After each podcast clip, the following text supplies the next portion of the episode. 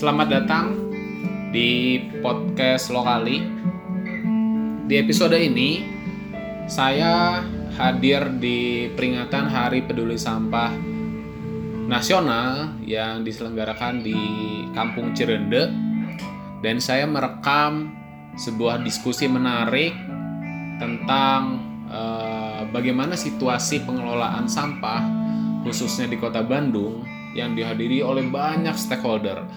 Yang utama sih pasti eh, perwakilan masyarakat Cirende eh, dari ada Pemkot Bandung, ada dari Pemprov bahkan eh, ada dari komunitas-komunitas seperti eh, Get Plastik penyelenggaranya juga ada dari National Geographic dan beberapa stakeholder lainnya gitu. Jadi semoga rekaman ini juga bisa bermanfaat buat teman-teman yang cukup concern dengan masalah sampah.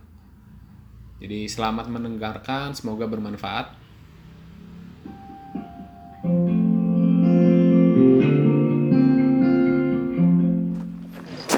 Dan itu terjadi 21 Februari 2005 dan sudah 15 tahun berselang nih uh, kondisi atau kejadian itu gitu.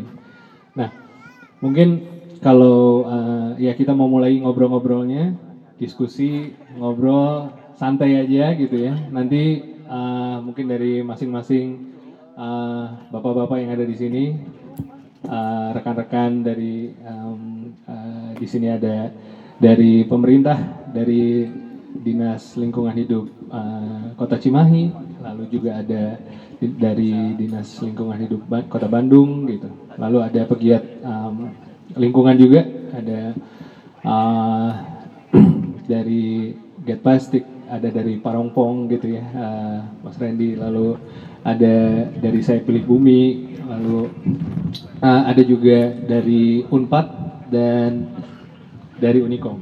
Nah, tapi saya akan berikan kesempatan pertama nih, gitu ya, untuk tuan rumah dulu nih, dari Kang Yana mungkin ya. Mungkin yang kita pengen, yang kita sama-sama ingin ketahui dan mungkin bisa menceritakan sedikit kejadian atau uh, kurang lebih ringkasan 15 tahun ini gitu. Dari kurang lebih seperti apa dan sebenarnya uh, ada hal-hal mungkin yang bisa uh, disampaikan uh, kepada kita siang ini atau sore ini gitu. Mari Kang Yana. Iya, terima kasih. Eh, Sampurasun. Yang saya hormati para narasumber. Eh, kebetulan harusnya duduk di sini hari ini Abah Asep, tapi beliau berhalangan hadir. Hadir, jadi ada sesuatu yang tidak bisa ditinggalkan. Jadi eh, biasa saya mewakili beliau. Eh, ya, Tentu eh, ini kesempatan yang sangat baik bagi kami warga di Kampung Cirende khususnya Eh, karena kami sangat merasakan eh, selama ada TPL Gajah kurang lebih 22 tahun itu eh, menjadi sebuah pengalaman yang eh, menjadi berharga. Karena apa berharga? Karena kondisi saat itu kami kayak hidup di tempat yang mungkin tidak pernah orang bayangkan. Sehari-hari menghirup udara bau sampah yang luar biasa lalat ketika musim kemarau sampah di sini terbakar. Jadi kami menghirup udara yang sangat tidak nyaman karena bakaran dari plastik terutama. Selama 22 tahun kebayang kalau saya nuntut terhadap negara terhadap pemerintah kayaknya negara kompensasinya kepada kami sangat luar biasa. Karena eh, ini sebuah kemanusiaan sebenarnya Eh, padahal eh, tentu namanya lingkungan. Setiap orang berhak untuk berada di lingkungan yang aman nyaman dan tentram Eh, apalagi kalau bicara tentang eh, berbangsa bernegara berdasarkan neg- negara hukum tentu eh, sangat eh, memprihatinkan. Tapi memang kami melihat itu masa lalu. Biarlah eh, menjadi sebuah cermin sebuah eh, pengetahuan yang akan menjadi eh, jalan keluar ke depan.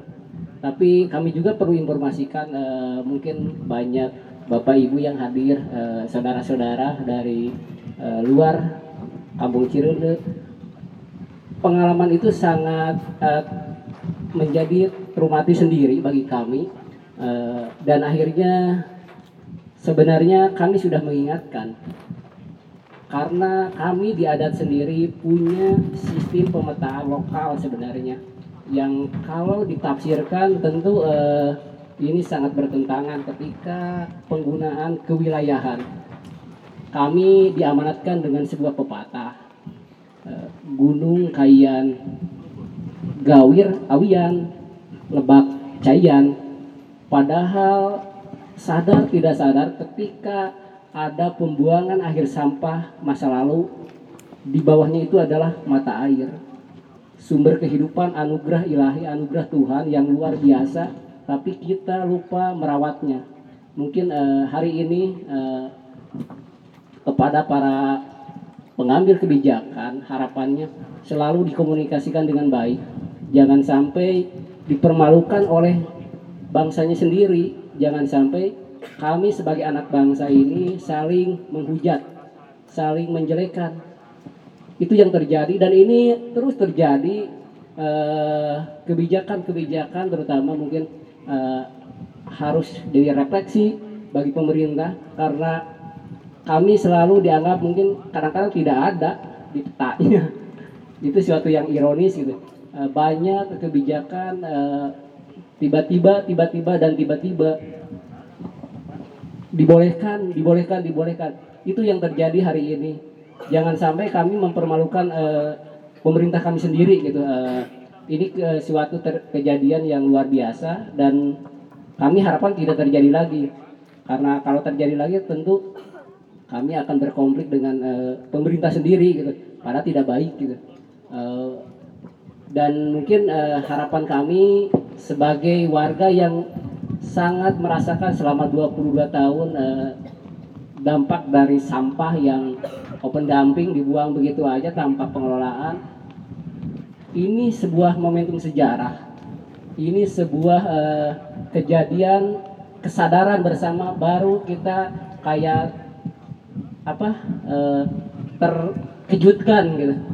Oleh sesuatu wah ternyata ini sesuatu yang berdampak negatif gitu. ada ada unsur kemanusiaan eh, yang terjadi dan harapannya pemerintah punya komitmen hari ini terutama provinsi pemerintah eh, kota Cimahi kota Bandung dan provinsi Jawa Barat tentunya eh, Ek TPA ini kami harapan sekali untuk dikembalikan ter- kepada fungsi awal yang jadi bagian hutan dihutankan yang menjadi bagian dari mata air dikembalikan dijaga. Karena kami selalu menjaga itu. Kami mengingatkan ingin mengingatkan sekali gitu eh, bahwa ini akan menjadi sebuah eh, kesalahan besar bagi pengambil kebijakan. Jangan sampai kalau ada tuntutan di kemudian hari kami dianggap tidak mengingatkan. Hari ini ingin mengingatkan dan hari ini harapannya ada komitmen dari pemerintah eh, masyarakat juga sama-sama eh, bagaimana terutama FTPA ini menjadi eh, yang negatif menjadi positif karena ada upaya pemerintah ada upaya bersama untuk mengembalikan menjadi wilayah edukasi lah tempat edukasi yang baik untuk kasus-kasus sampah di terutama di Indonesia ini. Mungkin itu yang bisa saya sampaikan. Terima kasih. Ya, terima kasih. Eh, sebelum kita lanjut ngobrol-ngobrolnya nih, kayaknya suasananya eh, ini masih masih semangat semuanya. Oh pasti. Masih tegang. Iya. Eh, nanti kalau saya sebut HPSN 2020 gitu ya. eh, nanti kita sama-sama katakan eh, nanti ditanggapi gitu ya, menjaga alam demi masa depan. Gitu. Bisa ya? Coba kita kita tes ya. Satu kali ya. HPSN 2020. Wah, belum belum satu suara. Nah, Kan baru latihan. Iya kan baru latihan. Kita coba sekali lagi ya. HPSN 2020. Wah. Ah, ya. Siap. Uh, nah, uh, kembali ke kembali ke uh, apa yang tadi kita udah dengarkan bahwa sebenarnya ada satu ada satu hal yang uh, diangkat tadi kejadian di tahun 2005 ini adalah uh, itu dijadikan uh, satu hal yang tidak boleh dilupakan gitu. Nah, maksudnya itu jadi satu titik tolak juga untuk ke depannya gitu. Nah, uh, hal-hal yang kita mau bicarakan dan kita mau obrolkan sama-sama siang ini gitu, uh, diskusikan sama-sama dan juga mungkin sharing gitu ya dari semua adalah kita kita melihat segala uh, tadi disampaikan jas merah, jangan lupakan sejarah. Jadi hal yang sudah terjadi di tahun 2005 itu uh, kita lihat sebagai satu hal yang uh, bagaimana kita melihat ke depan gitu. Nah, tadi sempat disampaikan nih uh, kalau kalau dari beberapa hal yang uh, saya baca juga gitu, beberapa di media juga ya disampaikan bahwa uh, sebenarnya uh, awalnya ini tuh uh, apa namanya um, TPA ini uh, TPA Lewi Gajah sebenarnya awalnya itu uh, digunakan untuk uh, waktu awalnya composting ya dari uh, dari awalnya gitu. Lalu berkembang karena ada satu satu tempat yang di uh, kalau nggak salah kemarin di, uh, disampaikan di Cicabe ya. Di Pasir Impun gitu. Sehingga ini tuh dijadikan tempat darurat gitu ya. Atau uh, kalau boleh dibilang uh, karena ada karena tidak bisa dibuang di sana jadi ini darurat lah digunakan gitu. Nah cuman kalau dilihat gitu sampai ada kejadian seperti uh, tahun 2005 dan uh, juga ada timbunan sampah yang seperti itu gitu. Nah open dumping dan sebagainya. Nah mungkin tadi juga sempat disampaikan uh, ba bagaimana sih uh, mungkin dari dari dinas lingkungan hidup mungkin nanti kita mau dengarkan juga tanggapannya gitu ya. Sebenarnya uh, ke depannya ini apa sih yang uh, akan dilakukan dari dinas lingkungan hidup kota Cimahi mungkin yang uh, tempat uh, di mana ada lebih gajah ini lalu juga nanti kita mau dengarkan juga dari perwakilan uh, dari uh, dinas lingkungan hidup kota Bandung gitu ya uh, dari uh, kurang lebih seperti apa nah saya berikan kesempatan dulu kepada Pak Muhammad Roni untuk uh, menyampaikan tanggapannya nih. Kalau sebenarnya kalau dilihat ini setelah 15 tahun uh, berselang gitu. Sebenarnya untuk Lewi Gajah sendiri kalau disampaikan tadi ex TPA atau ini tuh sebenarnya masih sebagai TPA sebenarnya maksudnya uh, secara regulasi dan sebagainya itu seperti apa dan rencananya sebenarnya kalau dari uh, eh, DLHK Kota Cimahi seperti apa? Mari Pak, silahkan. Baik, terima kasih. Sampurasun. Uh, Bapak Ibu sekalian, TPAA ini dulu diisi oleh tiga wilayah, Cimahi, Kabupaten Bandung, dan Kota Bandung. Ya jadi bukan milik Cimahi saja gitu jadi ada tiga wilayah yang menggunakan TPA Lui Gajah ini. Sama halnya ini Kang Yana nih Sari Mukti saya khawatir Sari Mukti kejadiannya seperti di sini karena sudah kondisinya sekarang tuh over ini ya Pak ya ya overload ya ya nah terkait dengan status bahwa setelah kejadian itu, maka ini diambil alih, di take over oleh provinsi. Oleh provinsi, bagaimana caranya? Ada beberapa lahan yang eh, bukan milik pemerintah, tetapi terlanda longsoran dan itu dibebaskan. Nah, provinsi mengadakan eh, pendataan setiap kabupaten kota yang ada di sini yang menguasai lahan ini dimintai dana roll seri untuk pembebasan ini. Nah, yang mengendalikan itu adalah provinsi. Nah, terkait dengan status quo-nya lahan ini, saya kira dengan harapan masyarakat yang ada di masyarakat Cirende tidak usah berhenti terus saja suarakan bahwa ini kembalikan kepada fungsinya. Saya kira itu.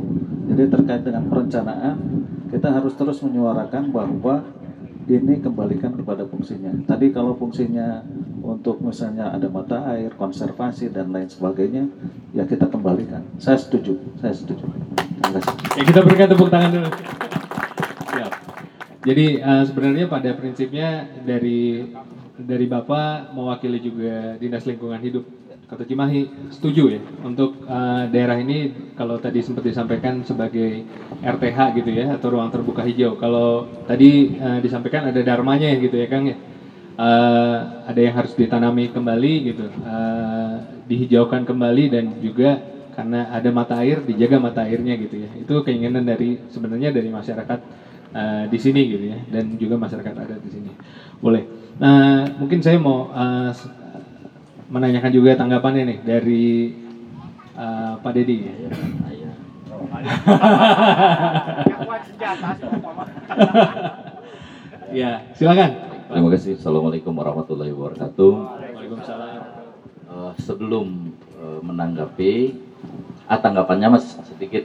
Saya setuju dengan ya. Kota Bandung akan sekuat tenaga mendorong bahwa ini kembali ke ke fungsinya ya, terutama sekenya ya. Mata itu saya sepakat sekali lah itu Mak. Dan Kota Bandung tidak akan berhenti lah untuk bisa mendukung itu ya, masyarakat di sini. Nah yang kedua, saya apresiasi buat teman-teman komunitas ya yang mengadakan kegiatan ini di tempat ini, ya, di tempat ini. Eh, dan alhamdulillah Kompas, eh banyak ya, wartawan tuh.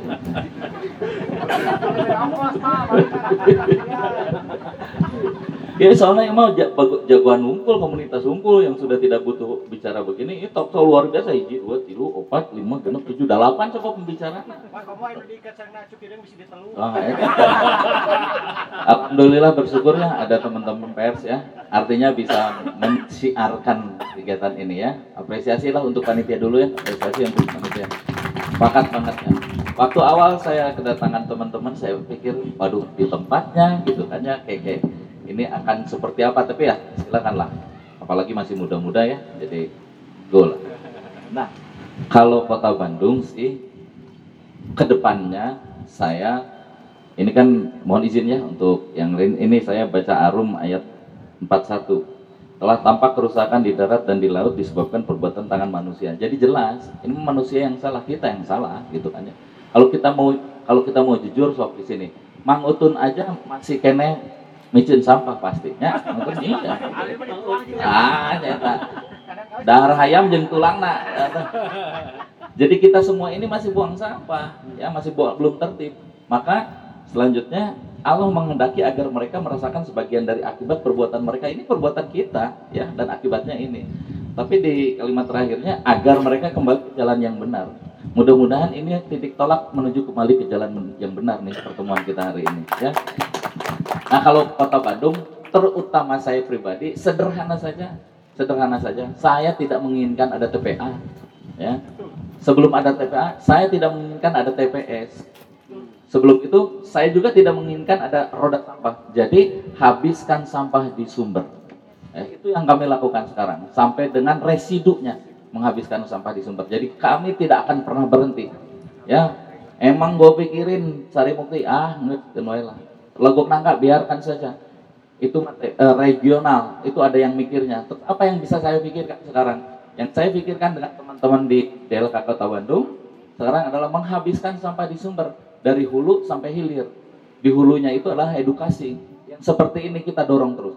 Propaganda kita dorong terus, menghabiskan sampah di sumber. Dan sudah bisa kami lakukan menghabiskan sampah di sumber. Termasuk residu. Ya. Kalau organik jadi kompos dengan berbagai metodenya, ada magotisasi yang sekarang sedang oleh Pak Wali, ada bata terawang, ada takakura, ada komposter, ada ya, biogas, biodigester. Yang terakhir kami 0 rupiah tanpa alat, tanpa mesin dengan sistem open window. Belajar dari petani organik di Cisayong untuk kompos, untuk organik. Anorganik sudah banyak tukang kindo, ya kerennya mana sabah bank sampah itu kan semuanya juga pemulung ya kan kan semuanya itu sudah. Nah tinggal residu residunya alhamdulillah ternyata kami diberikan arahan dan ternyata luar biasa bisa kami habiskan di tempat insya Allah. Kalau sudah habis di tempat ya sudah nggak ada yang dibuang ya tidak ada yang dibuang tinggal memang awalnya itu adalah pemilahan ini yang tidak mudah dan ternyata ketika saya masuk di LHK ternyata undang-undangnya sudah jelas. Undang-Undang 18 tahun 2008 itu sudah jelas memerintahkan kita semua orang per orang ini untuk memilah sampah. Ya untuk menyimpan sampah pada tempatnya bukan membuang sampah pada tempatnya tapi menyimpan sampah pada tempatnya.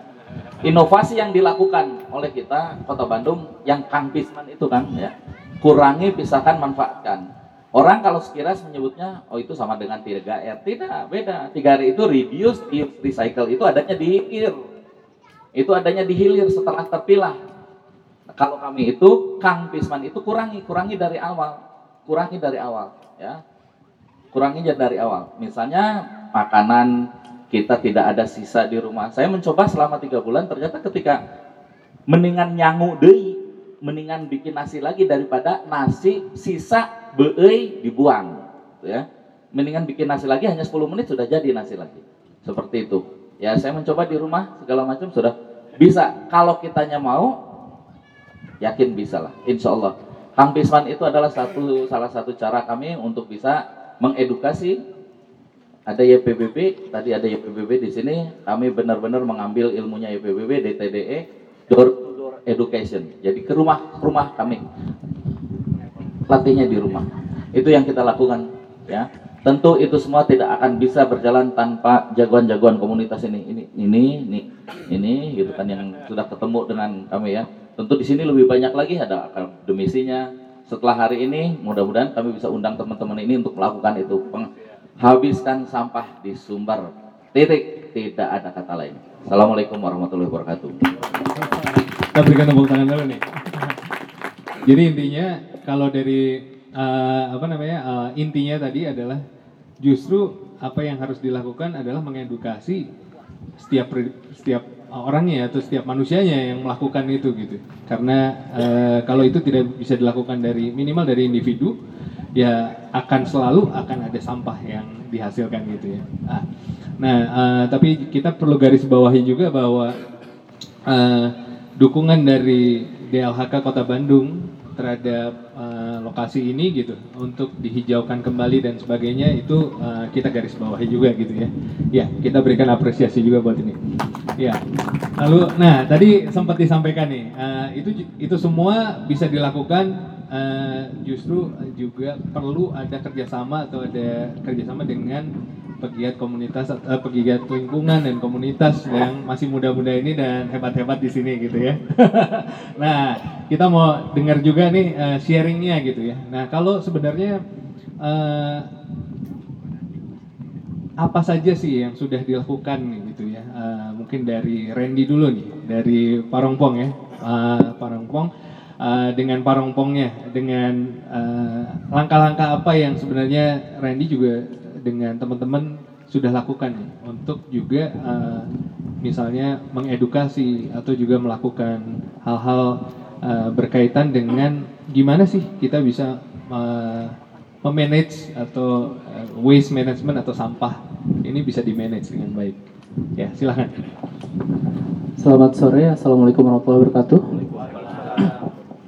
Uh, terima kasih panitia sudah uh, menghadirkan kami juga di sini dan sejujurnya kami malah lebih banyak belajar ya hari ini daripada ikut memberikan banyak apa istilahnya ide dan lain-lain. Saya rasa sih yang tadi disampaikan Pak Dedi terutama ini acara ketiga kita sama-sama speaker ya Pak ya. Jadi saya sih melihat Pak Dedi secara konsisten dengan Kang Pismannya dan dengan uh, membereskan sampah pada sumbernya itu terus menerus diulang. Dan sebetulnya kami setuju.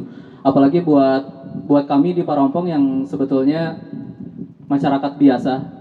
Kami sama sekali nggak punya power tertentu seperti teman-teman pemerintah atau kami tidak punya dana finance yang tinggi seperti teman-teman di korporat bisnis. Yang kami lakukan ketika pertama kali start Parompong ya ingin membuat Parompong di Kabupaten Bandung Barat jadi percontohan karena percaya bahwa sulit sekali mengajak ke arah sesuatu yang baik kalau belum ada buktinya ya. Kalau kita sendiri tidak melakukan.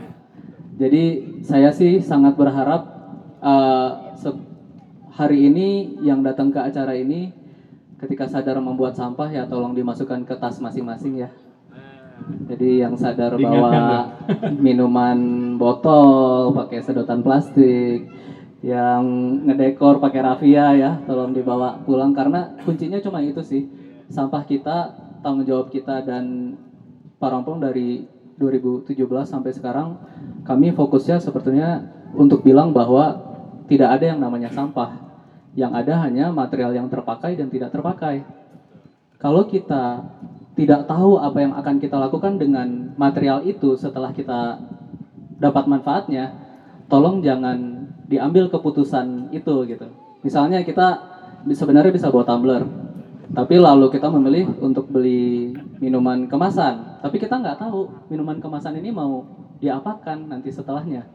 Ya itu bentuk yang tidak bertanggung jawab. Jadi waktu pertama kali kami start, sejujurnya Pak Dedi saya belum beruntung ketemu Bapak waktu itu ya. Jadi kami sendiri kebingungan apa sih yang paling bisa kami lakukan sebagai masyarakat biasa. Jadi saya pergi ke Kamikatsu Jepang. Itu 80% sampahnya mereka olah sendiri loh teman-teman. Jadi hanya 20% saja yang pergi ke insinerator. Dan itu kenapa mereka lakukan bukan ingin jadi pahlawan lingkungan enggak, bukan ingin menyelamatkan bumi. Karena kalau mereka tidak mengurangi sampai 80%, biayanya mahal sekali. Waktu itu insinerator mereka mati. Jadi ada satu mesin yang namanya insinerator yang bisa mengolah sampah segala macam dan itu standar di negara dunia pertama itu mati. Terus mereka tiga kali berusaha untuk memperbaiki memperbaiki itu selalu gagal. Akhirnya di desa kecil yang namanya Kamikatsu ini harus kirim ke Yamaguchi. Itu nyebrang selat. Satu kontainer itu harus bayar sekitar 170 ribu yen.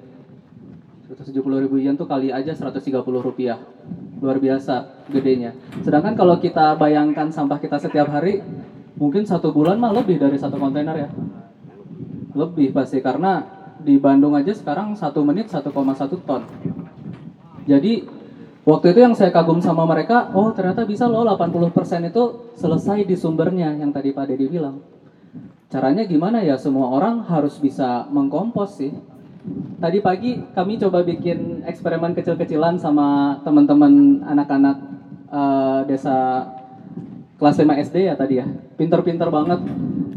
Mereka ditanya sampah organik itu apa bisa cerita. Sampah eh, yang mirip sama sampah plastik apa bisa cerita.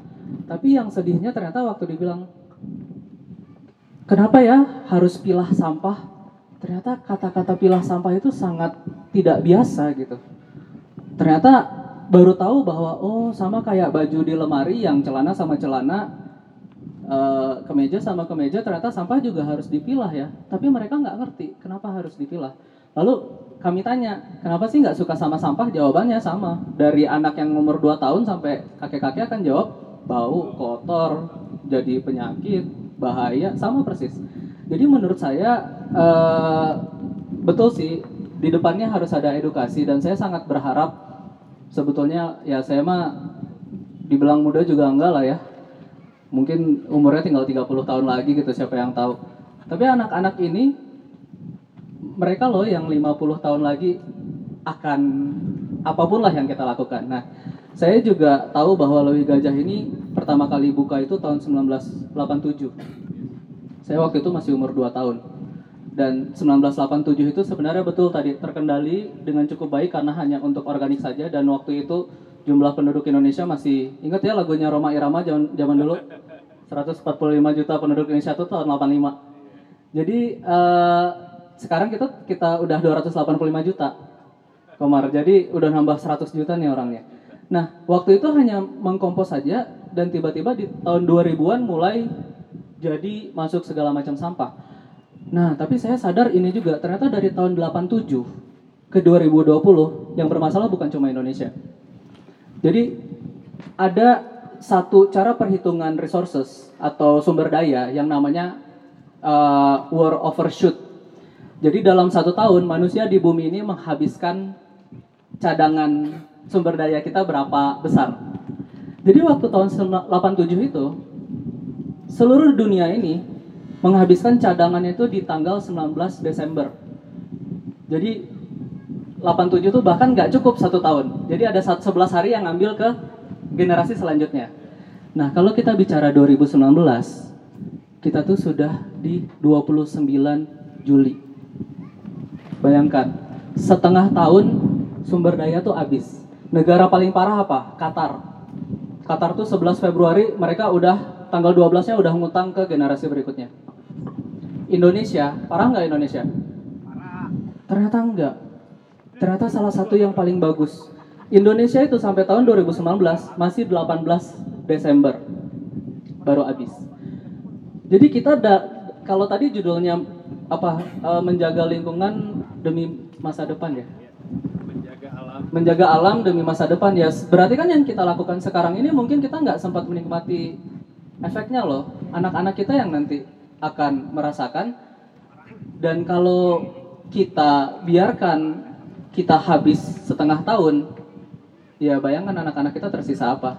Jadi yang kalau di Parompong kita fokusnya selalu ke anak-anak, ke generasi selanjutnya, dan lebih kepikirkan gimana caranya ketika mengkonsumsi sesuatu, konsumsilah sesedikit mungkin. Lalu pilih, pilihlah pilihan yang paling bijak. Memang gampang sih, tinggal minta kantong plastik doang ke minimarket, tapi kan apa susahnya sih bawa? Iya bawa sendiri gitu. Lalu yang paling harus dipikirkan juga sebenarnya banyak banget sampah yang ya benar tadi nggak bisa kita telan gitu. Seperti puntung rokok. itu ya tantangannya. Jadi kami sih sebenarnya banyak belajar dari dari semua yang ada di sini dan terutama Mas Dimas juga karena fokusnya lebih ke residual plastik bahkan ya Mas ya. Dan ya penasaran sih sebetulnya eh, kok saya datang hari ini tuh pengen denger sih dari masyarakat langsung dan dari bapak-bapak yang berwenang rencana kita bareng-bareng ke depan apa gitu. Terima kasih banyak. Assalamualaikum warahmatullahi wabarakatuh. Terima kasih. Kita berikan tepuk tangan dulu. Ada ada satu hal yang menarik bahwa em, eh, ya ini bagian juga dari sejarah gitu ya. Kalau tadi sempat ngobrol-ngobrol sama beberapa teman-teman gitu. Em, sebelum eh, tanggal 28 Oktober ya diperingati sebagai Sumpah Pemuda ya. Nah, sebenarnya sebelum ada 28 Oktober eh, 1928 dan kemudian ada eh, 1945 gitu. Itu jauh sebelumnya itu ada ada banyak hal yang sudah dilakukan. Tapi kalau boleh dibilang dilakukannya sendiri-sendiri gitu. Ada yang Java, ada yang Sumatera, Suma- eh, lalu di di beberapa daerah itu sendiri-sendiri gitu. Nah, gongnya itu adalah di 28 1928 mereka sepakat untuk melakukan sesuatu. Dan waktu itu anak-anak muda. Ya kalau bisa dibilang semua yang di sini masih muda gitu ya. Nah, masih. Tergantung dari sisi mana kita lihat ya. Tapi semangat mudanya kan tetap gitu ya kayak Kang Ogi ya nah gitu nah eh, 1928 itu jadi titik tolak untuk selanjutnya ada 1945 nah eh, Tadi ada satu hal yang eh, eh, yang saya garis bawahi juga dari Randy adalah justru eh, dengan hadirnya eh, atau dengan adanya kita eh, sore hari ini kita ngobrol gitu, kita bisa bertemu. Ada hal apa sih yang kita bisa lakukan ke depan? Nah, itu jadi satu hal yang penting. Dan waktu mereka bersatu itu ada satu hal yang masif yang bisa dilakukan eh, langsung berdampak masif gitu. Nah, itu yang saya garis bawahi juga. Nah, mungkin saya mau lempar langsung kepada Mas Dimas nih dari Get Plastic gitu ya. Sama eh, apa namanya? eh, ada eh, pertanyaan saya adalah atau yang saya pengen eh, de- sampai eh, mungkin Mas Dimas bisa sampaikan juga sama kita semua. Kira-kira hal apa sih yang sebenarnya eh, perlu dilakukan atau yang sudah dilakukan juga eh, yang perlu dilakukan oleh secara individu, lalu juga yang sudah dilakukan oleh teman-teman dari Get Plastic juga untuk eh, berkaitan dengan eh, permasalahan sampah, ya. Tapi sampah tadi saya sepakat juga untuk kita lihat bahwa kalau kita eh, bisa mengolah itu gitu, eh, seperti beberapa uh, tahun lalu ya kita pernah adakan satu um, ya uh, eksebisi juga dan juga diskusi juga ngobrol juga dan satu acara di Parongpong waktu itu gitu. Nah uh, kita melihat dari Nimo Foundation gitu uh, bersama juga teman-teman yang ikut di sana gitu kita melihat bahwa sesuatu itu masih bisa diolah bisa dirubah fungsinya gitu. Nah itu bisa jadi jadi sesuatu yang baru dengan satu nilai yang baru gitu. Jadi eh, jangan cepat untuk setuju, jangan cepat langsung bilang bahwa sesuatu yang tidak bisa kita pakai itu adalah sampah gitu. Mungkin buat yang lain, ah ini bukan sampah buat kita gitu. Ini masih bisa diolah lagi. Nah, Gimana Mas Dimas? Kalau dari Mas Dimas? Eh, Assalamualaikum warahmatullahi wabarakatuh. Sampurasun. Rampes. Eh, terima kasih. Eh, sebenarnya sama kita semuanya sama ya. Kita setuju adalah edukasi adalah suatu jalan yang yang utama yang harus kita lakukan eh, untuk permasalahan sampah ini. Saya setuju dengan Randy, saya setuju dengan Pak Deddy juga bahwa apa yang harus kita lakukan adalah edukasi. Apa yang dilakukan ke plastik adalah kita langsung turun ke bawah, kita langsung ke masyarakat langsung, kita langsung ke desa-desa, kita langsung masuk ke, door to door tadi seperti yang dilakukan oleh di Jepang itu. Gitu. Jadi kita melakukan masyarakat. Salah satu contoh di Banyuwangi, kita setiap rumah itu kita ketokin sampai ada teman kita dari Get Plastik yang kita ikut di pengambilan sampah. Jadi kita kita ngikutin tukang sampah itu ngambilin sampah di rumah-rumah dari situ kita edukasi mereka gitu. Yang paling sederhana adalah memang mengurangin itu paling susah. Serius, dengan dengan eh, karakter masyarakat kita dengan habit kita yang udah bertahun-tahun berjalan itu bagi kita yang memang melakukan itu itu bisa terjadi, tapi bagi masyarakat eh, yang umum yang pada pada umumnya mereka sangat konsumtif itu akan sangat sulit. Tapi itu bisa. Ini gitu, itu bisa kita lakukan. Eh, saya sendiri adalah orang yang langsung terjun di lapangan. Saya langsung bertemu dengan masyarakat. Saya langsung eh, berbincang dengan mereka kesulitan mereka apa. Banyak eh, wilayah-wilayah mempunyai permasalahan yang yang sama tapi mempunyai karakter yang berbeda masyarakat. Kita sering eh, ikut pengambilan sampah dan kita edukasi di situ. Terkadang kan kita males gitu, kita males eh, turun ke masyarakat karena kadang-kadang masyarakat itu susah dibilanginnya itu kebanyakan seperti itu. Nah, kita enggak, kita turun, kita ngambilin sampah ke rumah-rumah penduduk, tapi kita bukan tukang sampah ya. Jadi kita ngambilin, di situlah kita mulai uh, door to door untuk untuk uh, bilangin masyarakat itu. Biasanya kan kalau masyarakat dikumpulin kayak gini aja kita ngumpulin untuk suatu talk show yang sangat berharga, yang kita bisa berbagi ilmu aja susah gitu. Nah, kita lama melakukan itu. Kita ngambilin sampah, ketika masyarakat itu keluar untuk buang sampahnya, di situ kita edukasi. Gitu. Bu, eh, kalau bisa jangan pakai eh, botol plastik, kayak gitu. Jangan pakai kresek ataupun sampahnya dipilah. Yang sederhana aja dari sampah dipilah dulu aja. Itu yang paling susah kan masyarakat.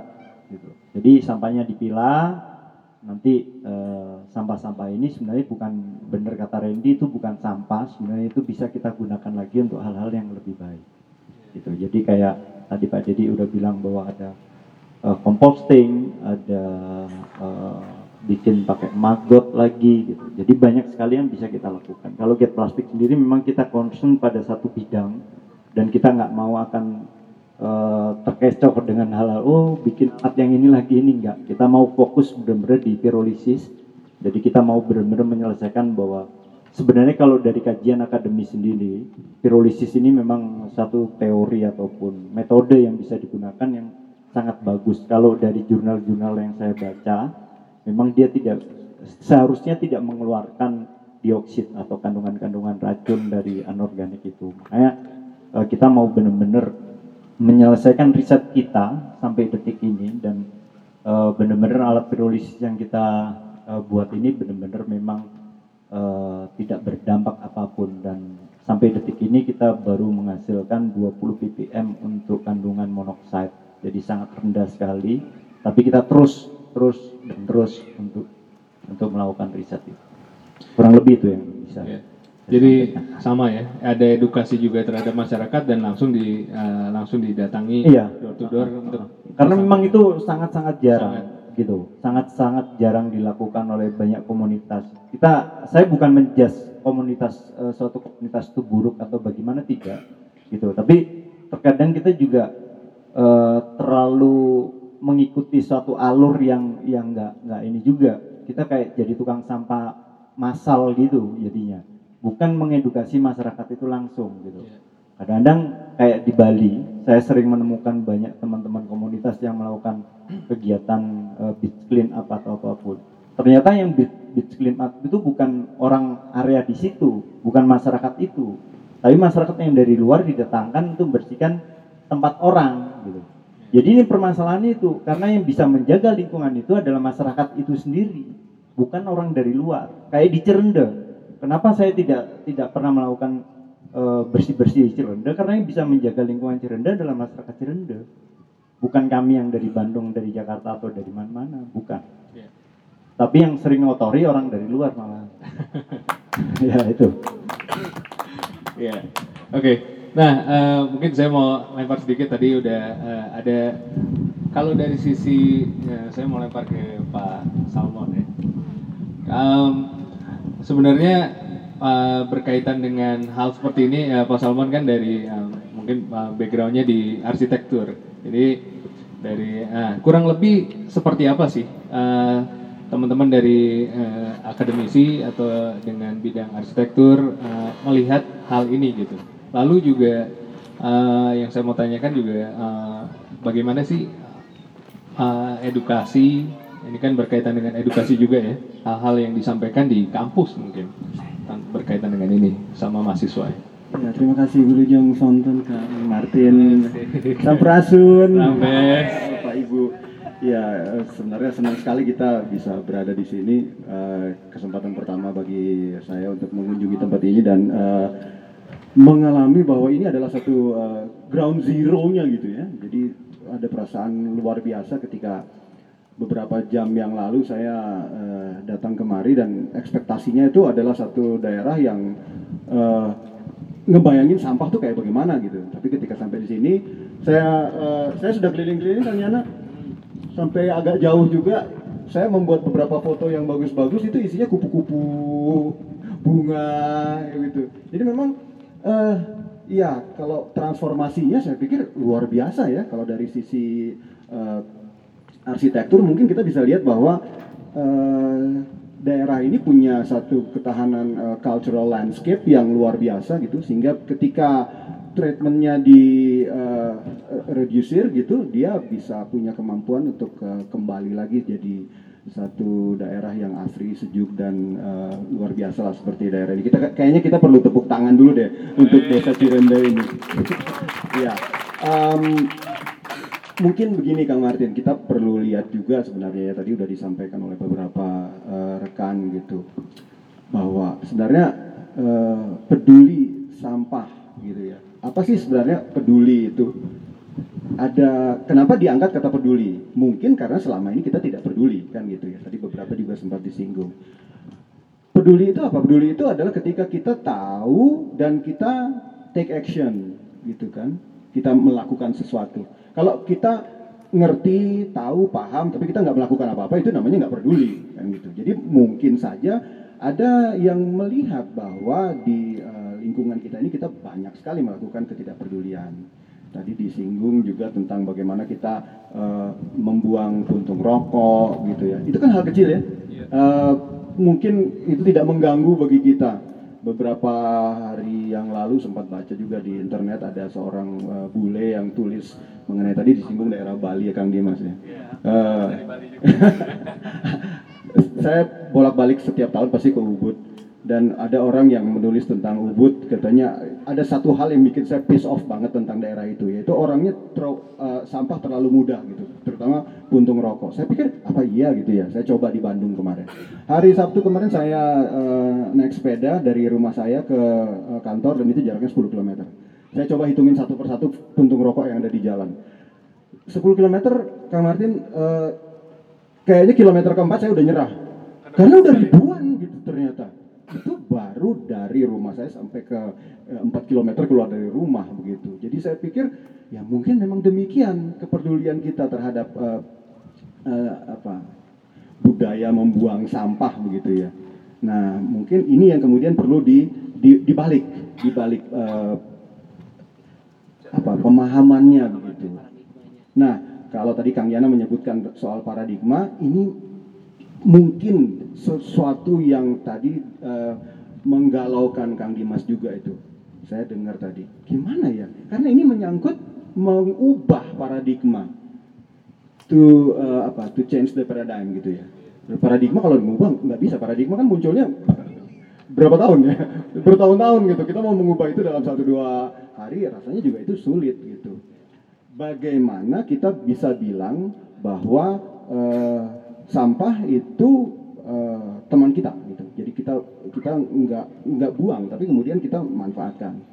Nah itu kalau di kampus itu ada mata kuliahnya, mungkin Nabila sama Rina itu ingat gitu ya. Kalau di tingkat-tingkat eh, dasar itu ada eh, konsep teknologi.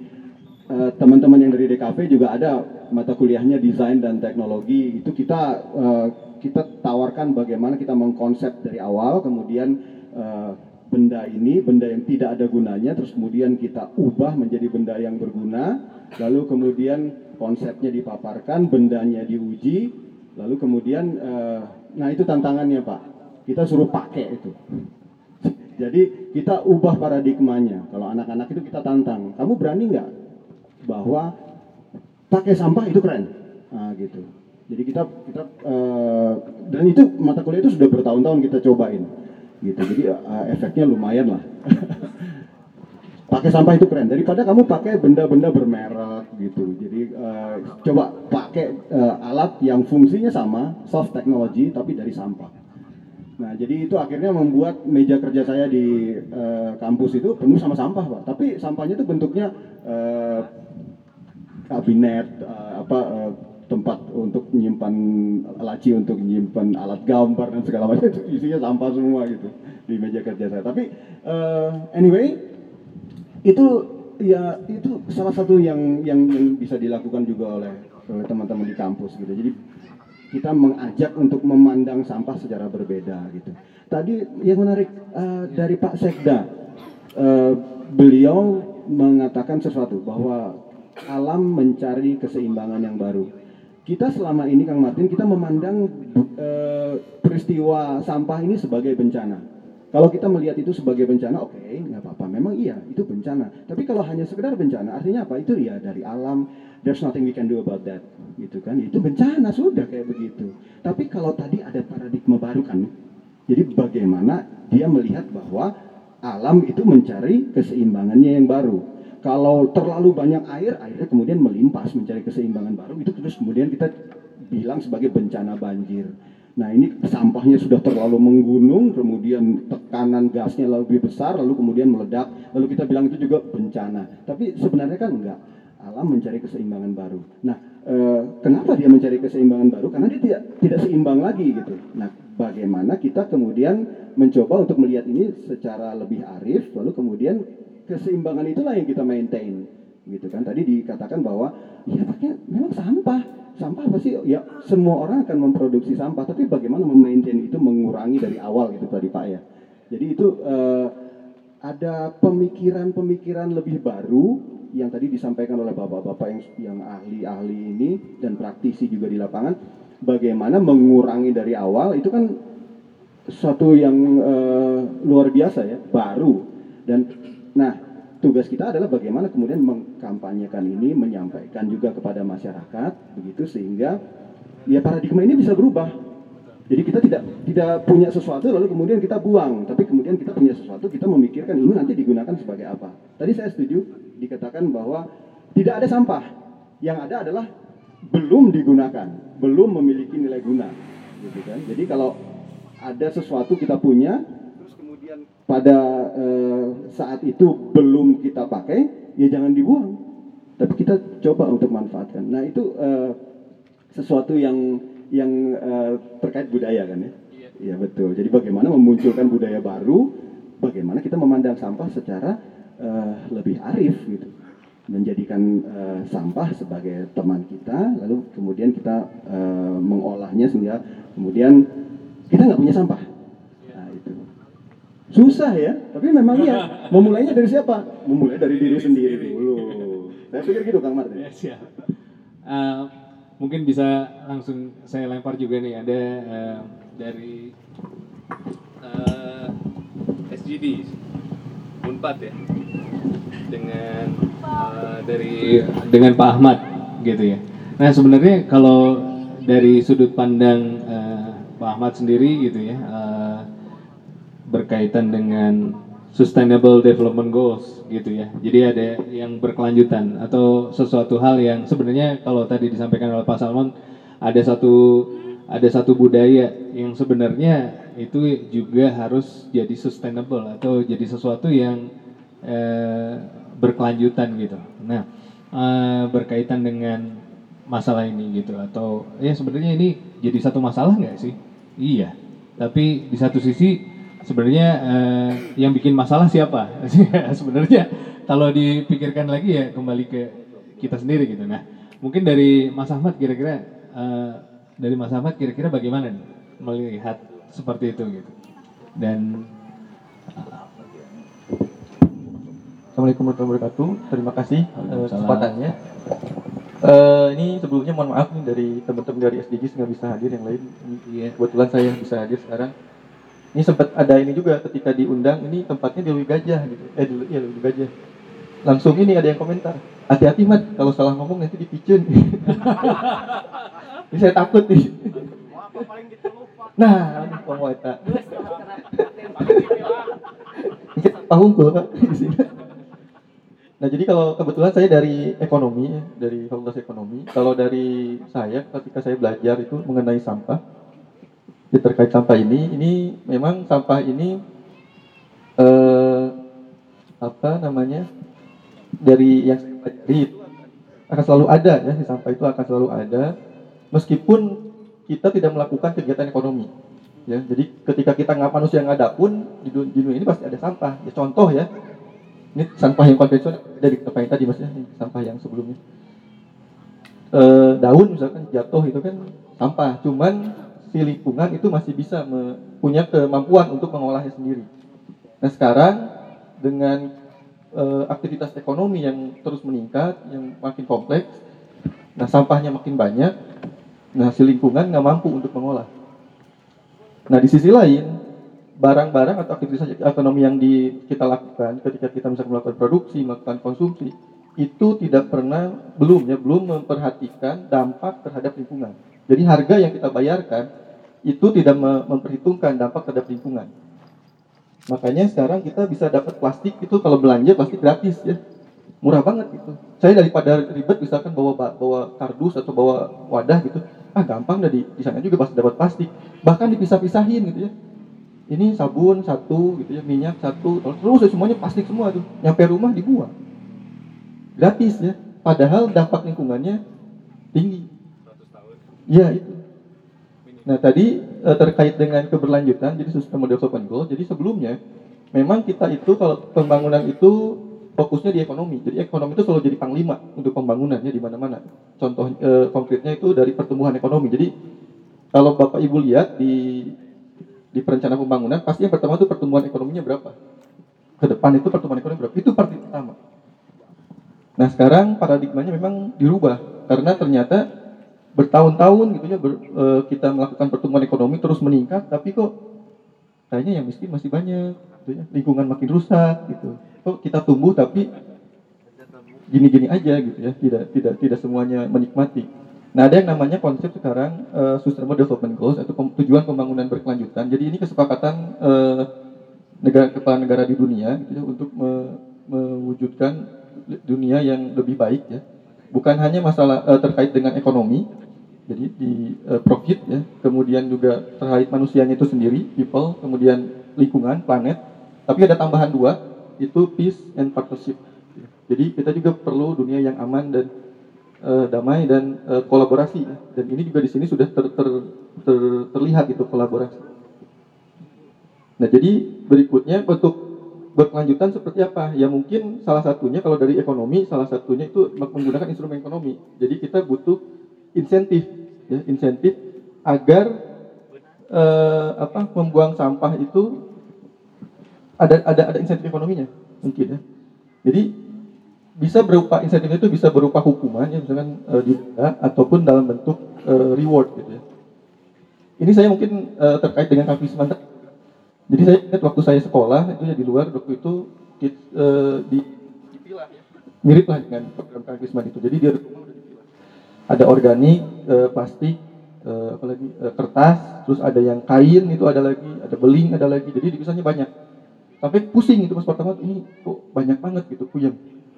Tapi ada ininya, kita boleh memilih. Jadi kita boleh kalau nggak mau milah boleh. Kita harus beli plastik plastik untuk semua sampah macam-macam masuk ke situ. Nah plastiknya harus beli. Itu kan semacam pajak sampah. Waktu awal-awal karena malas dan karena juga belum paham gitu ya, ya udah beli aja gampang beli gitu. Ternyata beli itu mahal. Karena nggak tahu, jadi beli dulu. Uh, ternyata mahal. Pas dihitung-hitung sebulan tuh bisa berapa euro gitu ya, mahal banget. Mulailah dari situ eh, memilah gitu. Pas dipilah-pilah, loh, satu bulan saya cuma butuh satu plastik. Ya, dari tadinya beberapa plastik sekarang saya cuma satu butuh satu plastik bayar sisanya gratis Eh, ambi- apa buang sampah organik gratis diambil ya kemudian bahkan si wadah wadah sampahnya diambil di- diberikan karena harus khusus karena kan masuk ke kemudian sampah plastik kita diberi plastiknya jadi dari sampah plastik yang dikumpulkan diolah kemudian dibu- dibuat eh, kantong trash kayak semacam kantong plastik gede itu kayak semacam trash bag itu dibagikan gratis tapi khusus untuk sampah plastik Kemudian sampah kertas juga diambil. Itu diambil bukan sama pemerintah tapi sama NGO, tapi menggunakan truk mempunyai pemerintah. Jadi diolah kembali. Nah, kemudian saya datang ke sini pulang. Eh, saya coba terapin, belum ada Kang Pisman waktu itu, coba-coba terapin, terus dipilah gitu, dikumpulin. Ah, saya mau ke bank sampah gitu ya. Pas datang ke bank sampah, saya bawa tuh saya mobil gitu ya, udah udah penuh, gitu, karena di rumah udah penuh, udah kita ke, ke bank sampah, udah penuh, datang, eh, dikasih gitu ya, di, di kilo segala macam, dapatlah lima ribu ini lima ribu. Ya kalau misalkan kayak ini ya eh, tadi kembali ke sebagai orang ekonomi kayaknya ini usaha yang dilakukan itu lebih lebih banyak daripada uang yang saya dapatkan gitu ya. Buat apa gitu? Makanya saya langsung oh, pantesan orang-orang nggak mau milah sampah. Ya karena ya tadi nggak ada insentifnya. Karena buang sampah itu murah gratis kan buang sampah? Buang aja. Nggak nggak nggak nggak ada meskipun tadi ada dampak yang akan di- dirasakan tapi kan mungkin nanti atau mungkin bukan saya gitu. Tapi sekarang saya nyampah itu gratis nah kemudian eh, saya coba pilah terus ada kang Kisman saya seneng seneng banget tuh. Terus saya teruskan ya si si si memilah itu pas saya tapi ini ada ada masih kekurangan ini juga jadi jadi masukan. Saya kasih ke tukang sampah sama tukang sampah bro aja ke tempatnya. Nyatu lagi. Pas saya bingung Jadi Pak, sudah dipilah, terus sudah gitu tetap masuk lagi buat- saya nanya kan kenapa dimasukin lagi? Gitu. nggak dipisahkan di nanti dipisah katanya pas di TPA di TPS itu saya langsung ah maknya sih gitu ya. kan itu udah ribut gitu ya, udah nyampur gimana dia mau ngolahnya kan pasti ya saya aja malas di rumah gitu ya susah gitu untuk untuk ya untuk me, kebayang lah itu ri- riuhnya gitu nah jadi mungkin juga edukasi itu bukan hanya ke ke warga-warganya tapi juga ke pelaku-pelakunya mungkin juga mereka butuh insentif juga kenapa saya harus memilah gitu nah salah satu caranya mungkin tadi dengan beda hari misalkan ya Iya. dibedakan harinya itu kan jadi dia nggak akan ketika waktu di, di tempat saya si sampah plastik dan kertas itu disodakohkan ke tukang sampah. Yang mengut sampah itu sodakohkan tapi ya ketika ngeliat itu kayaknya dia juga sama dengan saya gitu. Ini kayaknya nggak ada insentifnya gitu murah gitu ya.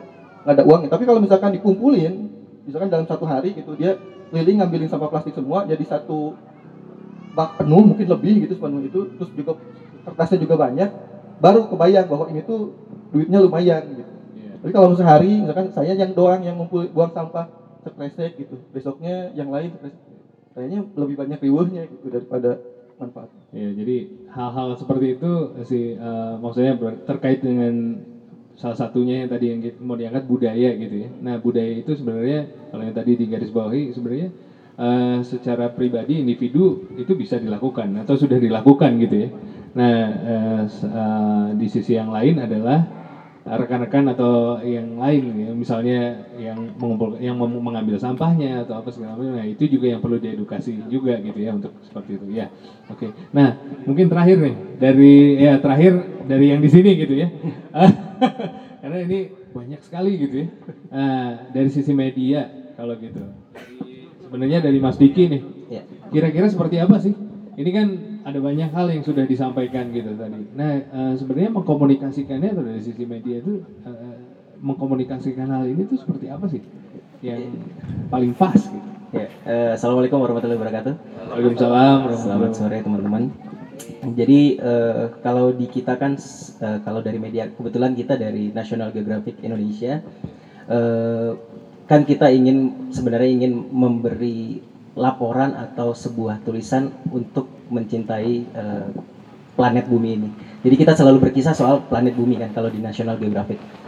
Lalu bagaimana kami bereksplorasi dan membuat sebuah pelaporan berita yang mendalam gitu untuk memberikan sebuah eh, popular science yang dapat dimengerti sama banyak orang dan eh, melalui apa sistem yang rumit yang luar biasa dan terkait terkait dengan eh, planet bumi ini yang terus menerus berubah makanya kita membuat eh, cerita-cerita yang ujungnya sebenarnya bagaimana tanggung jawab kita terhadap planet bumi gitu. Eh, karena we believe in the power of science lalu eh, exploration dan collaboration dan eh, storytelling we change the world. Jadi kami itu percaya bahwa dengan kekuatan ilmu pengetahuan yang dimiliki sama beberapa orang di sini gitu lalu kita eh, bereksplorasi mencari sesuatu yang baru dan berkolaborasi lalu kita menceritakannya menceritakannya kembali ke orang banyak kita mampu mengubah dunia. Nah eh, di sini peran penting dari media kan sebenarnya adalah eh, kontrol sosial. Media itu sebagai kontrol sosial gimana kita dapat berkolaborasi melalui narasumber yang kita dapat kita menceritakannya ke banyak orang lalu eh, membuat sebuah dampak perubahan gitu. Peran penting dari media kan membawa sebuah kontrol sosial di masyarakat. Melalui gerakan saya pilih bumi yang kita buat adalah kita ingin sebenarnya berkolaborasi dengan banyak pihak. Menceritakan kebaikan-kebaikan yang sudah kita temukan di setiap eh, penjuru Indonesia gitu. Mengangkat sebuah cerita-cerita yang kalau dari Bang Dimas tadi saya kebetulan kenal Bang Dimas dua tahun yang lalu Bang ya. Kita eh, bertemu satu sosok pemuda yang wah ini luar biasa banget nih membawa satu dampak perubahan. Dia apa pahlawan yang tidak terang di tidak terlihat sebenarnya tapi dia punya punya satu eh, gerakan yang dia membawa dampak ke banyak orang gitu ketemu juga tahu ada Parongpong Mas eh, Kang Randy dan ada Tesiska di situ ini orang-orang ini yang kita temukan dan sebenarnya kita ingin berkolaborasi apa yang kita bisa bawa untuk sebuah dampak perubahan Eh, kalau ngomongin soal tata kelola eh, sampah dan lain-lain kan tidak eh, semerta-merta kita bekerja sendiri. Kita harus berkolaborasi, bersinergi. Makanya kita ingin eh, semua orang itu berbagi peran untuk kebaikan bumi. Gitu. Eh, bayangkan eh, masalah sampah ini kan cukup besar kalau dikerjakan sendirian. Tapi kalau dikerjakan rame-rame kan rasanya lebih mudah kan gitu mengatasinya. Bayangkan ini kayak eh, kita semua ini punya peranan penting untuk menyelesaikan masalah itu. Kayak jam aja lah. Kalau satu partnya hilang aja, dia kan tidak akan berfungsi. Alroji itu kalau partnya salah satu hilang aja dia tidak akan berjalan. Nah, kita ingin berkolaborasi membentuk satu eh, apa ya eh, dampak yang bisa apa yang bisa dilakukan masyarakat saat ini. Kalau masalahnya itulah sampah, mulai eh, dengan perubahan perilaku seperti itu. Nah, em, tadi saya dikasih tahu sama panitia waktunya udah habis. Padahal saya mau kasih satu pertanyaan buat penonton gitu ya. Ah. nah, tapi tapi gini, em, ada ada satu hal sebenarnya dari diskusi kita ya atau ngobrol-ngobrol atau sharing nih eh, sore ini gitu dari siang tadi adalah eh, kata kuncinya sebenarnya semua ingin bekerja sama. Ada satu hal yang kita peng- eh, kita lakukan secara bersama-sama. Tadi diangkat juga terakhir gitu ya, adalah eh, kalau bisa berkolaborasi, bisa bekerja sama untuk melakukan sesuatu untuk eh, apa namanya ke- untuk masa depan gitu ya, sesuatu yang lebih baik bersama-sama. Kenapa enggak gitu ya? Kenapa kita harus jalan sendiri-sendiri?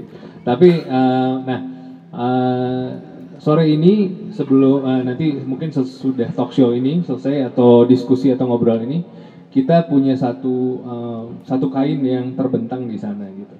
Nah satu kain itu sebenarnya kita pengen juga mengajak teman-teman semua yang ada di sini gitu eh, untuk kita bisa sama-sama berkomitmen gitu. Ada satu komitmen yang kita ya yang kita nyatakan gitu. Nah makanya tadi disampaikan budaya ya budaya adalah satu perilaku, ada sesuatu tindakan gitu ya Pak. Eh, kalau dibilang peduli berarti kita bertindak gitu. Nah, mungkin tidak bisa kita bahas semua di sini gitu. Eh, ini hanya sebagai awalan sebenarnya. Jadi eh, apa yang sudah dilakukan semua dan eh, semua yang udah ada di sini ini sebagai satu awalan. Nah, nanti kita akan sama-sama ke sana gitu. Mungkin nanti tergantung dari panitia Akhirnya boleh juga. Satu pertanyaan ya. Nah, nanti kita akan sama-sama ke sana untuk kita uh, buat tanda tangan dan uh, ya ada ada satu hal yang uh, kita torehkan di sana dan itu dari personal kita masing-masing. Nanti saya kasih kesempatan sama semua yang ada di sini dan uh, saya uh, maksudnya kita berharap dari HPSN 2020 ini um, di Cirende gitu ya dengan apa yang sudah disampaikan juga tadi uh, um, dari perwakilan masyarakat di sini ada sesuatu hal yang dilakukan secara nyata gitu. Kalau tadi disampaikan masih belum jelas tentang daerahnya, ini ada di tingkat provinsi, lalu ah, maksudnya ada tiga, ada tiga yang waktu itu berkontribusi lah gitu ya ke sini dan ini semua dari provinsi. Nah, uh, mari sama-sama kita suarakan gitu. Dan satu kesimpulannya adalah kita setuju loh semua yang ada di sini. Setuju nggak semua yang ada di sini bahwa kita pengen mengembalikannya jadi satu hal yang eh, ruang terbuka hijau atau eh, yang harus dharma yang tadi yang harus ditanami berarti ditanami yang harus dihijaukan dihijaukan kembali yang mata airnya harus dijaga ya itu harus dijaga. Gitu ya. Nah, mungkin uh, satu pertanyaan uh, dari ya silakan. Boleh? Saya maju ke depan juga boleh.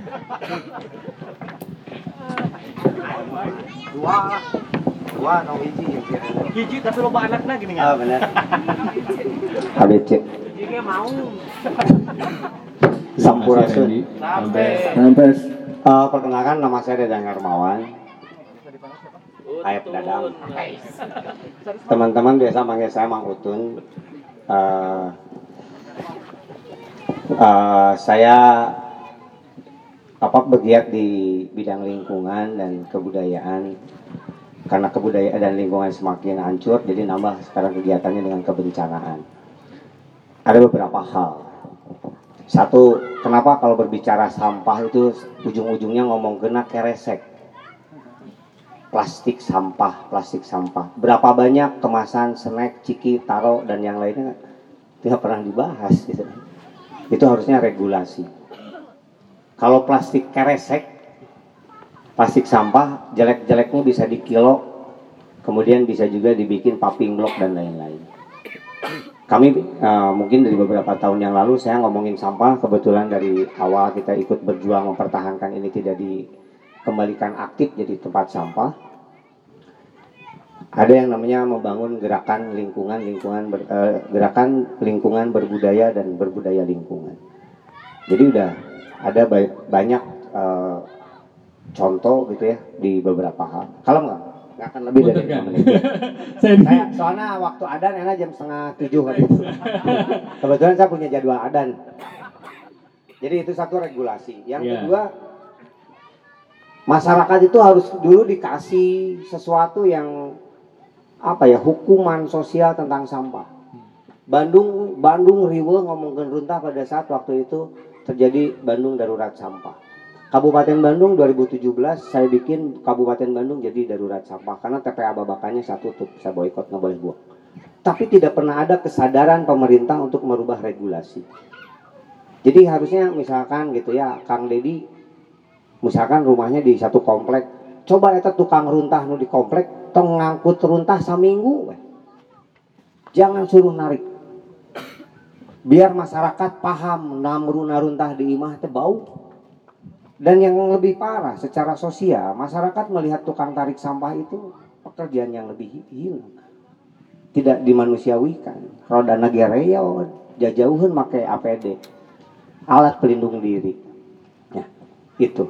Kemudian pola pengelola pengelola, pengelola eh, pola pengolahan sampah ataupun pengolahan sampah oleh pemerintah itu saya rasa tidak konsisten. Saya ngomongin sampah dari zaman 2008 waktu merancang raperda undang-undang sampah ada gebiar seremoni hari tadi pasar Ciroyong zaman Pak Rahmat Witular menterinya. Sudah tahu, tetapi berbicara sampah ini hanya jadi seremoni dan selesai. Contoh hal yang aneh di semua kota. Setiap kota pasti ada warna tiga warna sampah yang berbeda. Pecah belah, organik, anorganik. Kemudian diangkut kalau truk dihijikeun deui pikiran itu. ya. Dan Akang udah nonton ke Sari Mukti, saya baru kemarin ke Sari Mukti karena mau longsor. Sari Mukti itu udah overload 800 ton per hari. Jadi kalau mau ngomongin kenapa saya ngomong pengolahan sampah ini gagal secara pemerintah dan masyarakat sebagai pembuat masalah. Karena tiap tahun tonase ke Sari Mukti bukan berkurang, nambah terus. Dan ada beberapa pihak yang diuntungkan dengan naiknya tonase karena ritase ujung-ujungnya uang solar dan uang typing fee. Ini ada logika yang harus dirubah. Satu sisi undang-undang sampah mengatakan sampah beres dari sumpah, mengurangi tonase sampah. Satu sisi ada kelompok lain yang menginginkan sampah itu terus berlanjut, apalagi ada insinerator. Punten Kang. Nah. Jadi pertanyaannya gimana? Ini nggak pernyataan. Oh, Tadi pernyataan. kan, ah, pernyataan. Mungkin eh Jadi- karena waktu eh, Ya. saya mau kasih minta ditanggapi dulu dari Ya. pertanyaan yang tadi ya kan. Kalem kang. Kalem. Maghrib jam genep 18.30 kang. Gitu ya. Ya tenang. Saya Sa- tanggap, satu saya, lagi nih. Saya minta tanggapi dulu Iya, ya. ya. Jadi satu, dalam undang-undang lingkungan hidup itu punya kewajiban. Produsen itu bertanggung jawab terhadap sampah yang dihasilkan. Ada tuh presiden mana yang pernah ngomongin itu? Dari zaman presiden yang pertama sampai yang sekarang pernah tuh? Ya. Mengkritik tentang danun dan lain-lain. Itu satu pemerintah pusat. Yang kedua, pemerintah daerah tidak konsisten. Tapi maaf ya Kang Dedinya, sa- contohnya kota Bandung. Ada dinas lingkungan, ada PD kebersihan. Ini logikanya mesti balik. Kalau PD kebersihan mah tiap tahun kuduna naik hayangna. Biar up, up subsidi APBD-nya naik terus. Nah, mungkin ini yang punten, terakhir, ini yang terakhir, ini yang terakhir. Punten ya, Kang. Ini yang terakhir nih. Udah ya? Iya. Terakhir Jadi ya? intinya Nah, kita tidak terlalu berharap kepada pemerintah karena pemerintah itu ada batas waktu dia pindah dinas. Kang Deddy dulu di Sekdis dinas pendidikan, sekarang dinas lingkungan, besok lusa mungkin jadi apa? Yang lebihnya nanti nanti pensiun. Kalau pemerintah, tetapi yang harus melalui kolaborasi, kolaborasi, kolaborasi adalah masyarakat yang harus berkolaborasi. Tadi ada Pak Rongkong, ada yang lain-lain, ada juri geruntah, ada banyak kan. Iya. Di Bandung banyak. Nah, tinggal bagaimana masalah masalah sampah ini siapa sih yang sumber masalahnya? Iya. Satu masyarakat, dua adalah pasar. Tak urama jeung eta we lah jeung masyarakat disadarkan. Karena kalau berbicara kesadaran pemerintah dari 2008 saya belum mungkin pemerintah belum dapat hidayah untuk sadar masalah sampah. Terima kasih. Terima Assalamualaikum kasih. warahmatullahi wabarakatuh. Ya, mungkin bisa ditanggapi eh, dari Kang Deddy ya. Ya. Singkat aja, gimana Kang? Jadi karena Mang Utun ini sudah sangat lama dengan saya, jadi saya hafal betul karakternya gitu. Dan ini wajib dipelihara, dilestarikan dan benar. Ini benar semuanya juga bicara dia. Jadi eh, apalagi saya eh, eh, apa namanya sebagai pemerintahan, eh, cuman ada satu ya. Jadi saya sudah bertekad di dinas pendidikan saya 27 tahun. Ya, di Disputbar saya 2 tiga, dua tahun 3 bulan. Di DLHK mau 3 tahun. Tapi saya sudah bertekad ya dan saya sudah punya komunitas lingkungan sekarang ya. Komunitas lingkungan di Pramuka saya Saka, Saka Kalpataru ya. Jadi saya tidak akan berhenti. Bahkan saya bikin PT Juragan Sampah gitu kan ya. Iya gitu. Jadi itu tenang we jadi aktivis lingkungan kayak kayak lebih tarik ngomong. Tilu tahun euy, ya. itu yang pertama ya, itu yang, Yang pertama, pertama. ya. Tapi yang kedua, saya sepakat ya. Makanya saya itu sudah aduh talk show deh, seminar, seminar, aduh gitu kan. Enggak, bukan saya tidak suka, ya bukan saya tidak suka. Saya mah ingin bergerak aja. Makanya sok saya mau buktikan gitu kan. Ayo saya sudah meng- meng- meng- mengolah, memilah di tempat gitu. Dan itu dimulainya dari rumah dulu. Memang tidak mudah. Jangan ngomong sulit ya. Eh, Sulit itu oh, negatif ya, tapi tidak mudah memang, tidak mudah. Tapi bisa, tapi bisa, tapi bisa, yakin pisan ya. Kalau nunggu regulasi mah sudah ada semuanya juga, tapi itu aduh lama lah gitu kan ya lama. Tapi kalau dilihat satu persatu ada, ya ada dan tetap ini harus beriringan, ya beriringan. Para kritikus, para anu tukang juga itu garalan gitu kan ya, gitu kan. Tapi saya mah mau ya udah balat ya mah balat ya di rumah ini dengan adik saya paling bungsu belum. Jadi jangan khawatir, ini jangan berhenti ya tanggal 23 jangan berhenti, lanjut ya, lanjut. Saya akan eh, semaksimal mungkin pada posisi pemerintah dan pos- posisi non pemerintah. Insya Allah komunitas banyak sekali lah. Jangan khawatir, Terima jangan kasih. pesimis. Pesimis mah maut well, sudah gitu. Optimis, yakin bisa. Orang Jepang itu kamikatsu itu, orang Jepang itu itu manusia juga kan, sarua. Nah, bedanya aja orang. 50 tahun ya. Orang Thames Inggris itu ngebersihan sungai Thames itu 100 tahun. Luar biasa tuh Pak Jokowi. Citarum itu 7 tahun harus selesai. Aduh, edun. Tapi semangat Indonesia mah luar biasa. Yakin bisa. Jangan pesimis. Insya Allah. Assalamualaikum warahmatullahi wabarakatuh. Waalaikumsalam warahmatullahi wabarakatuh. Mau nambahin Pak? Ah, boleh ya. ada waktunya. Sedikit, Pak. Siap. Boleh, singkat. Habis Jadi ini kita eh, bapak-bapak dan ibu-ibu ada yang teringat nggak bahwa eh, ada yang tahu sampo anti ketombe? Pasti tahu semua kan? Nah, eh, dulu-dulu orang berketombe itu nggak ada masalah. Sampai akhirnya diciptakan satu eh, citra melalui media nih bahwa ketombe itu aib. Lalu kemudian semua orang heboh kan? Panik kalau lihat ketombe. Lalu apa reaksinya? Beli sampo anti ketombe.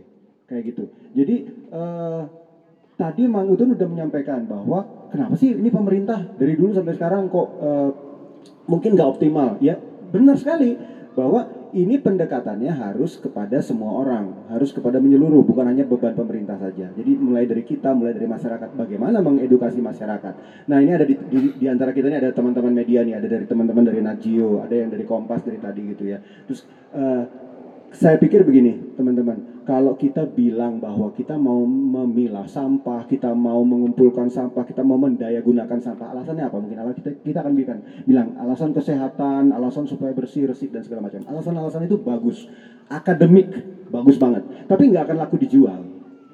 Iya, jadi kita harus dekati itu dengan pendekatan yang mungkin lebih kepada lifestyle. Teman-teman lihat eh, dulu ada nggak orang mau naik sepeda?